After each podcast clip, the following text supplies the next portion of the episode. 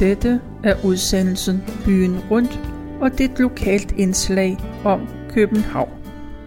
Mit navn det er Tove Christensen, og jeg har været på Københavns Stadsarkivs hjemmeside, og der har jeg fundet en erindring, som Asger Egelund Møller har skrevet.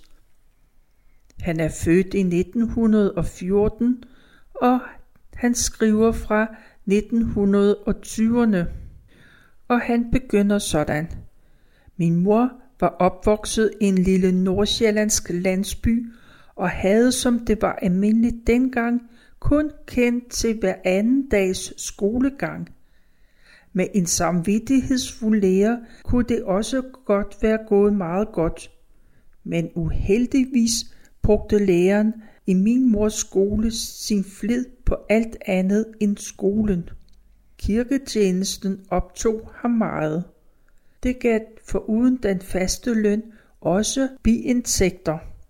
Og så var han regnskabsfører for sovnerådet og brugsforeningen. Det kunne til dels klares i skolestuen, mens børnene skrev skønskrift eller læste på salmevers. Da skolelæreren blev udnævnt til Dannebrugsmand, var det almindelig mening blandt hans gamle elever, at det sølvkors havde han ikke gjort sig fortjent for sin lærergærning. Et lyspunkt for de åndelige underernærede skolebørn var det, at præstens kone holdt søndagsskole. Her mødte min mor flittigt op, og hun havde sidenhen sin søndagsskole i kær erindring. Derfor blev mine søskende og jeg blidt, men uden forhandlinger, sendt i søndagsskole i vores københavnske sognekirke, Frihavnskirken. Men til forskel for min mor havde jeg i min første fem skoleår en meget samvittighedsfuld og dygtig lærer. Han fortalte de historier fra Bibelen, som også søndagsskolelærerinden fortalte, men læreren gjorde det bedre. Søndagsskolen betød derfor ikke så meget for mig. Bedst var morgenturen gennem de søndagsstille gader, især om foråret. I dag er det i min erindring knyttet sammen med Johannes V. Jensens smukke digt. Vintergæk er brudt af mulde, brudt af mulde, kæk erantis trodser kulden. Mine søskende og jeg mødte ganske vist kun de vintergække og erantis, som stod i urtepotter hos grønthandleren. Men sidst i verset så hedder det, Solen lyser husfacader gennem lange lyse gader. Præcis sådan kunne det siges om min barndoms østerbroske sidegader. Husene havde et fælles præg, for de var alle sammen opført i 1880'erne og 90'erne. De var på fem etager med grå facader og sort skifertag. Rødstenshuse blev først moderne efter århundredeskiftet, og der var min barndomsgader for længst udbyggede. Men jeg så for øvrigt ikke ret meget på de grå husfacader med de beskedne stukudsmykninger omkring vinduer og gadedøre. Ja, jeg interesserede mig mere for butikkerne, og dem var der mange af. På vej til søndagsskolen passerede vi først en slagterforretning. Den havde fået en ny indehaver, og han gjorde, hvad han kunne for at gøre husmødrene i nabolaget bekendt med sine gode tilbud på kød og pålægsvarer. På butiksruden skrev han med hvid farvekridt, hvad han især kunne anbefale. Oven på fadene med kød og fars lagde han sædler med pergamentpapir, hvor der også stod at læse, at kvaliteten var høj og prisen var lav. Sådan en måde at markedsføre sine varer på var ikke før set på Østerbro. Den fandt ikke i behag hos husmødrene. Den hørte hjemme i Blågårdsgade eller på Værnedamsvej, ikke på Østerbro. Min mor var heller ikke kunde hos den, hos den arme slagter, der næppe nogensinde blev klar over, hvorfor det gik så træt med at oparbejde en kundekreds. I de næste huse i gaden lå nogle kælderbutikker. Der var en bagerforretning, hvor den venlige og trivelige bagerkone stod bag disken. Hende var gadens børn glad for. Hun indbød dem hvert år til fastelavnsfest i gården bag bageriet. Her skulle man slå katten af tønden, og det var så velbetænkt, at der var en tønde for de store børn og en anden for de små rollinger. Men alle fik uanset størrelsen en appelsin og to faste lavsboller. Man vil forstå, at jeg i årenes løb var kunde hos den flinke bagerkone. Det drejede sig dog ikke om de store indkøb, men det hente, at jeg havde en femøre til luksusforbrug. Af gadens store drenge havde jeg lært, hvordan jeg skulle bære mig ad. Man gik ind i butikken og spurgte, har de nogle bagekrummer i dag? Og hvis svaret var bekræftende, så lagde man sin femøre og sin matrosuge på disken. Matrosugen skulle bruges til de såkaldte kagekrummer, det vil sige vrangstykker af vinerbrød, af kaffebrød og småkager, der blev benævnt som vrøvl, samt hvad der ellers havde været af kasseret og mislykket bagværk. Og da prisen var så lav, så kunne man ikke få en bagerpose til kagekrummerne. Da drenge ikke længere gik med matroshue, ved jeg ikke, hvordan de fragtede deres kagekrummer fra bagerkælderen i Holsteinsgade. Måske er salget af kagekrummer ophørt samtidig med brugen af den klædelige og til flere formål anvendelige matrosure. I kælderen ved siden af bageriet, der boede grønthandleren, Hans disk var forsynet med en stenplade, sikkert meget praktisk, hvor, hvor snavsede kartofler og våde grøntsager skulle passere. En stenplade tålte uden tvivl bedre end et træbord at blive skrubbet af og skuret hver dag efter lukketid. Men jeg tror dog, at det aldrig gik op for grønthandleren, hvilken kvalifikationer hans stendisk havde, for han rengjorde hverken disken eller gulvet.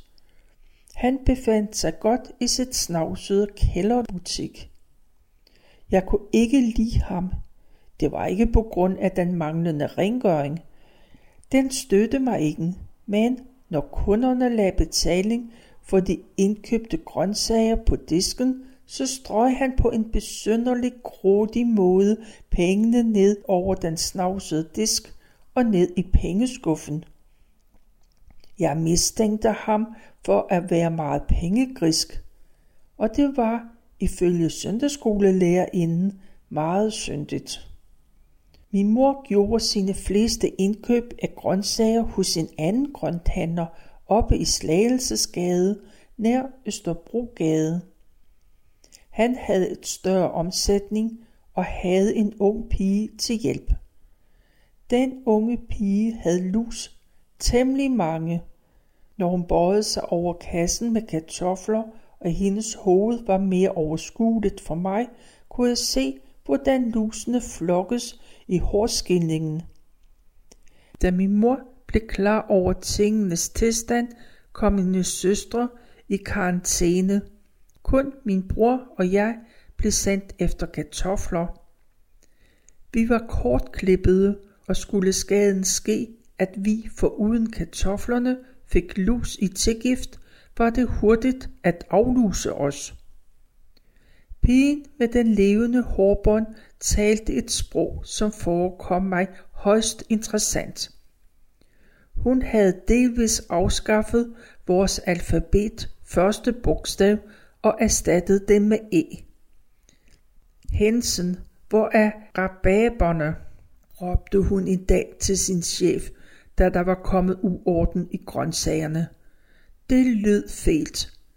Men til hendes undskyldning tjente, at hun var fra Nørrebro, og sådan taltes da af nogle folk derude.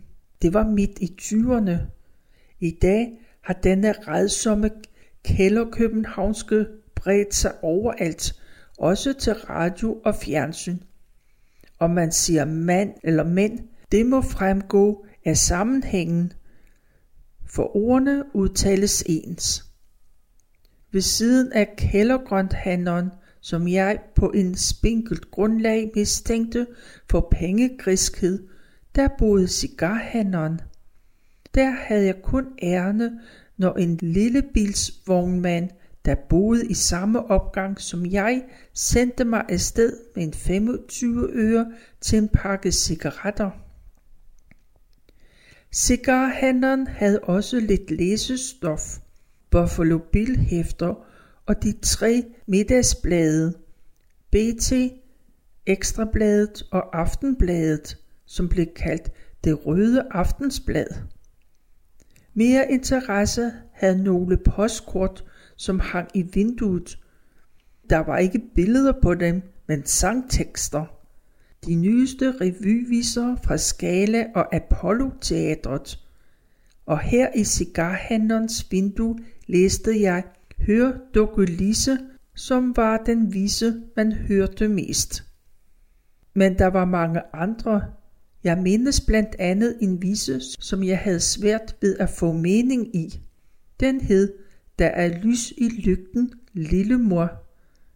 Pigen, som visen var lagt i munden på, siger i, i et af versene om sin far, hver gang han har været ude på svir, gemmer jeg mig bag mor og siger, der er lys i lygten. Den verseline voldte mig besvær. Ordet svir var for mig, som voksede op et bund solidt hjem uden mening. Det måtte foreligge en trykfejl. Det skulle nok stå spir. Jeg tænkte på Frihavnskirkens spinkle spidse spir – det måtte dreje sig om et reparationsarbejde på spiret, og det kunne nok være farligt at give anledning til, at den forskrækkede pige i visen gemte sig bag moren. Min udlægning af visen var mig ikke helt tilfredsstillende, men jeg kunne ikke finde på noget, der var bedre. På vej til søndagsskolen mindede jeg en forårssøndag, hvor formiddagssolen skinnede på de lyse husfacader, og jeg var netop fyldt otte år. Min store søster og jeg var begge to hjemmefra blevet forsynet med en fem øre. Det skulle lægges i indsamlingsbøssen, som stod på et bord inden for døren i søndagsskolen. Bøssen var udstyret med en negerdreng, et fint stykke løvsavsarbejde, der var indrettet så fikst, at når man puttede fem øre i pengekassen, så bevægede negerdrengen sit hoved. Pengene gik til Santalmissionen. Det fortalte søndagsskolelærerinden. Jeg havde en gang for alle fået galt fat i det ord, og mente, at, det blev, at der blev sagt Sandalmissionen. Pengene gik altså til sandaler til de små nærebørn, ligesom man her i København før jul samlede penge ind til træsko til fattige københavnerbørn. På trianglen stod en indsamlingsbøsse formet som en træsko. Til trængende børns fodbeklædning stod der. Et par af mine klassekammerater nød godt af denne indsamling – de mødte efter nytår op med blanke, sorte kapsko. Jeg vil ikke sige, at vi andre misundte dem det, men der stod respekt om dem, for de kunne træde ind over tæerne, så det gjorde forskrækkeligt ondt. Da alle søndagsskolebørnene var kommet og havde fundet deres sidepladser, skulle der synges en salme. Men før en frøken Mollorpe havde meddelt sangnummeret, siger min store søster, der var to år ældre end jeg. Asger havde fødselsdag i går. Jeg blev meget flov over, at mit navn blev nævnt, og der var blevet lagt mærke til mig. Men frøken Mollerup ønskede mig meget venligt til lykke og spurgte, hvor gammel jeg var. Otte år, svarede min søster, for hun holdt meget af at føde ordet. Men så er du jo en stor dreng, svarede frøken Mollerup. Det mente jeg også selv, jeg var. Derfor skulle jeg have lov til at vælge en salme, som vi skulle synge. Og så foreslog jeg, nu ringer alle klokker måske. Det valg blev rost meget af søndagsskolelærerinden, og glad var jeg. Jeg blev senere klar over, at uanset hvad jeg havde foreslået, ville frøken Mollerup have sagt, at det var et mageløst godt valg. Efter min heldige valg stod der kun tilbage at få opklaret, om Helga, det var den store pige, der spillede på stueovlet, om hun kunne klare den melodi. Og svaret var til min lettelse et ja. Så sang alle den salme, som jeg havde valgt. Det var et stort øjeblik for mig. Ingemands morgensang for børn var jo letfattelig, men der var alligevel et af versene, som forekom mig lidt gudefuldt. Det var vers 5. Der sad en engel på gravens rand blandt liljer i urtehaven. Han pegede med sin palmegren. Og det var dette han, der var underligt for mig. Jeg havde indtil forestillet mig, en engel var damer. Min store søster havde blandt sine glansbilleder nogle engle. De bar alle sammen lange hvide kjoler, havde langt hår og dukkeansigt. Der var intet i deres udseende, der kunne fremkalde den tanke, at din engel skulle være en mand. Noget andet, det var ærkeenglene. De havde mandenavne, men dem havde jeg aldrig set som glansbilleder. Fire år senere begyndte jeg at lære tysk, og dette mærkelige gammeldags sprog, hvor navneordene enten var hankøn, hunkøn eller intet køn. Her lærte jeg, at engel er hankøn, og det var altså med rette, at Ingemann havde sagt han om englen med palmegrenen. Efter salmen, som jeg havde valgt, fortalte frøken Moller bibelhistorie, og derefter blev der sunget endnu et par børnesalmer. Før vi tog afsked med frøken Mollerup, fik vi et bolche, men her hed det brystsukker. Det gammeldags ord kendte jeg hjemmefra. Det brugte min bedstemor, men hun var også meget gammel. Hun havde som ung pige set Frederik den 7. ved et borgerbal i Flensborg. Der havde min bedstemor haft et meget fint violet fløjelskjole på. Violet blev udtalt violet, for bedstemor var fra Sønderjylland. Kongen havde bemærket den unge pige i den violette fløjelskjole og spurgt sin adjutant von Holten, hvem er den kønne unge fruen til mig? Her endte historien, når min bedstemor fortalte den. Men min far, som kunne sin Danmarks historie, havde en fortsættelse, og den lød sådan, at von Holten gjorde sig ikke den ringeste anstrengelse for at opspore, hvem den kønne unge fruentimmer hørte hjemme. Han vidste, at inden han kunne fremskaffe det svar, så ville kongen være så fuld som en allike og ude af stand til at opfatte, hvad der blev sagt. Med den fortsættelse på historien fik vi, da bedstemor ikke var inde i stuen. Min far viste altid bedstemor stor respekt og omvendt. De sagde for eksempel aldrig du til hinanden. Min bedstemor bifaldt for øvrigt stærkt, ligesom min mor, at vi gik i søndagsskole.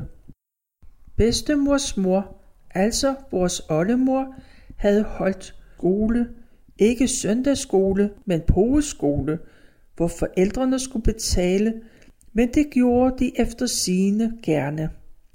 Oldemors pogeskole havde et godt ry, ikke mindst på grund af hendes evne til at fortælle bibelhistorie. Hun fortalte, så rollingerne glemte både tid og sted. En af hendes elever, Morten, der var storebror til digteren Henrik Pontoppidan, blev senere en kendt højskoleforstander og præst. Hans mesterlige bibelske historier, fortalt for børn, er skrevet med hans pogeskolelærer i erindring. Jeg er senere blevet klar over, at både min lærer i underskolen og min søndagsskolelærerinde støttede sig til Morten Pontoppedans bog, når de fortalte bibelhistorie. Min oldemors virke i Ribe satte sig altså spor langt uden for den lille marskby. Da min store søster og jeg tog afsked med frøken Mollerup i Frihavnskirkens søndagsskole, hver med et stykke brystsukker i munden, kom hjemturen gennem lange lyse gader, hvor solen skinnede på de grå husfacader, som Johannes V. Jensen skrev i sit forårsdigt fra 1925. Jeg var slet ikke i tvivl om, at det drejede sig om Holstandsgade og Livjægergade, de gader, hvor formiddagssolen skinnede så forårsklart, når jeg gik fra søndagsskolen i begyndelsen af 1920'erne. Husk Slagelsesgade nummer 20.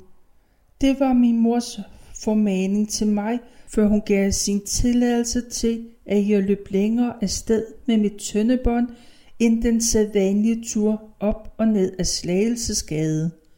Meningen var, at hvis jeg får vild i de østerbruske sidegader, så skulle jeg henvende mig til en eller anden dame og bede hende vise mig retningen imod Slagelsesgade. Men allerede før tilladelsen forelå, havde jeg adskillige gange vovet mig ned i Holstandsgade til Strandboulevarden, hvor linje 9 kørte. Den blev kaldt for papegøjen, fordi den skilte var røde og grønne. Hvis man var heldig, kunne man også se kongen komme ridende på sin brune hest med den hvide blis. Damerne stillede sig ved fortovskanten og nejede, og smådrengene strøg med matroshugen af og bukkede. Kongen førte sin behandskede hånd op til den lille blå uniformshue. Tilmed var han, ligesom Erik Ejegod, et hoved højere end alt folket. Det var bare en skam, at han aldrig red igennem Slagelsesgade. Han kunne her have glædet mange tro og hengivne undersåtter. Nogle af gadens beboere rangerede op over den jævne borgerskab. Fra bestyrerinden i smørforretningen i nummer 3 vidste min mor, at der i den øverste ende af Slagelsesgade boede folk af stand. Damen i smørforretningen talte i sin kundekreds om komtesse og en professor Inde Gade, det vil sige komponisten Niels V. Gades enke, marineminister Ravns enke og en tidligere kongelig skuespiller – men de døde jo efterhånden, og de folk, der flyttede ind efter dem, var ikke af samme rang. Helt sikkert var det, at det nye marineminister Inge ville man aldrig se. Der udnævnte man nemlig ikke mere marineminister. Til gengæld huskes marineministerens navn længe efter sin død på grund af en øh, vise, som socialisterne sang. De sang op med Estrup, Scavenius og Ravn og på en skraldevogn ud af København. Professor Gade, som vi nu kun kender under navnet Niels V. Gade, kunne også dårligt erstattes. I nummer 2 på fjerde sal boede ganske vist en komponist, Finny Heinrich, men han var ikke synderlig kendt. Niels V. Gade så ham ikke på gaden. Det var så besværligt for ham at færdes til fods eller på cykel med sin store violinkasse, men heldigvis lille bils vognmand sin faste holdeplads lige ud for komponistens gadedør. Det var godt for begge parter. Lillebilchaufføren lagde ikke skjult på, at han var glad for sin trofaste og rundhåndede kunde. Måske kunne han med sit følsomme kunstnersind være lidt besværlig, men det havde chaufføren kun mærket alvorligt en gang. Det var en vinteraften med isglatte gader. Komponisten kom farende ned af de mange trapper fra fjerde sal. Chaufføren nåede ikke at advare ham imod de isglatte brosten, før han satte sig på halen og kurede afsted med violinkassene rysende endnu hurtigere.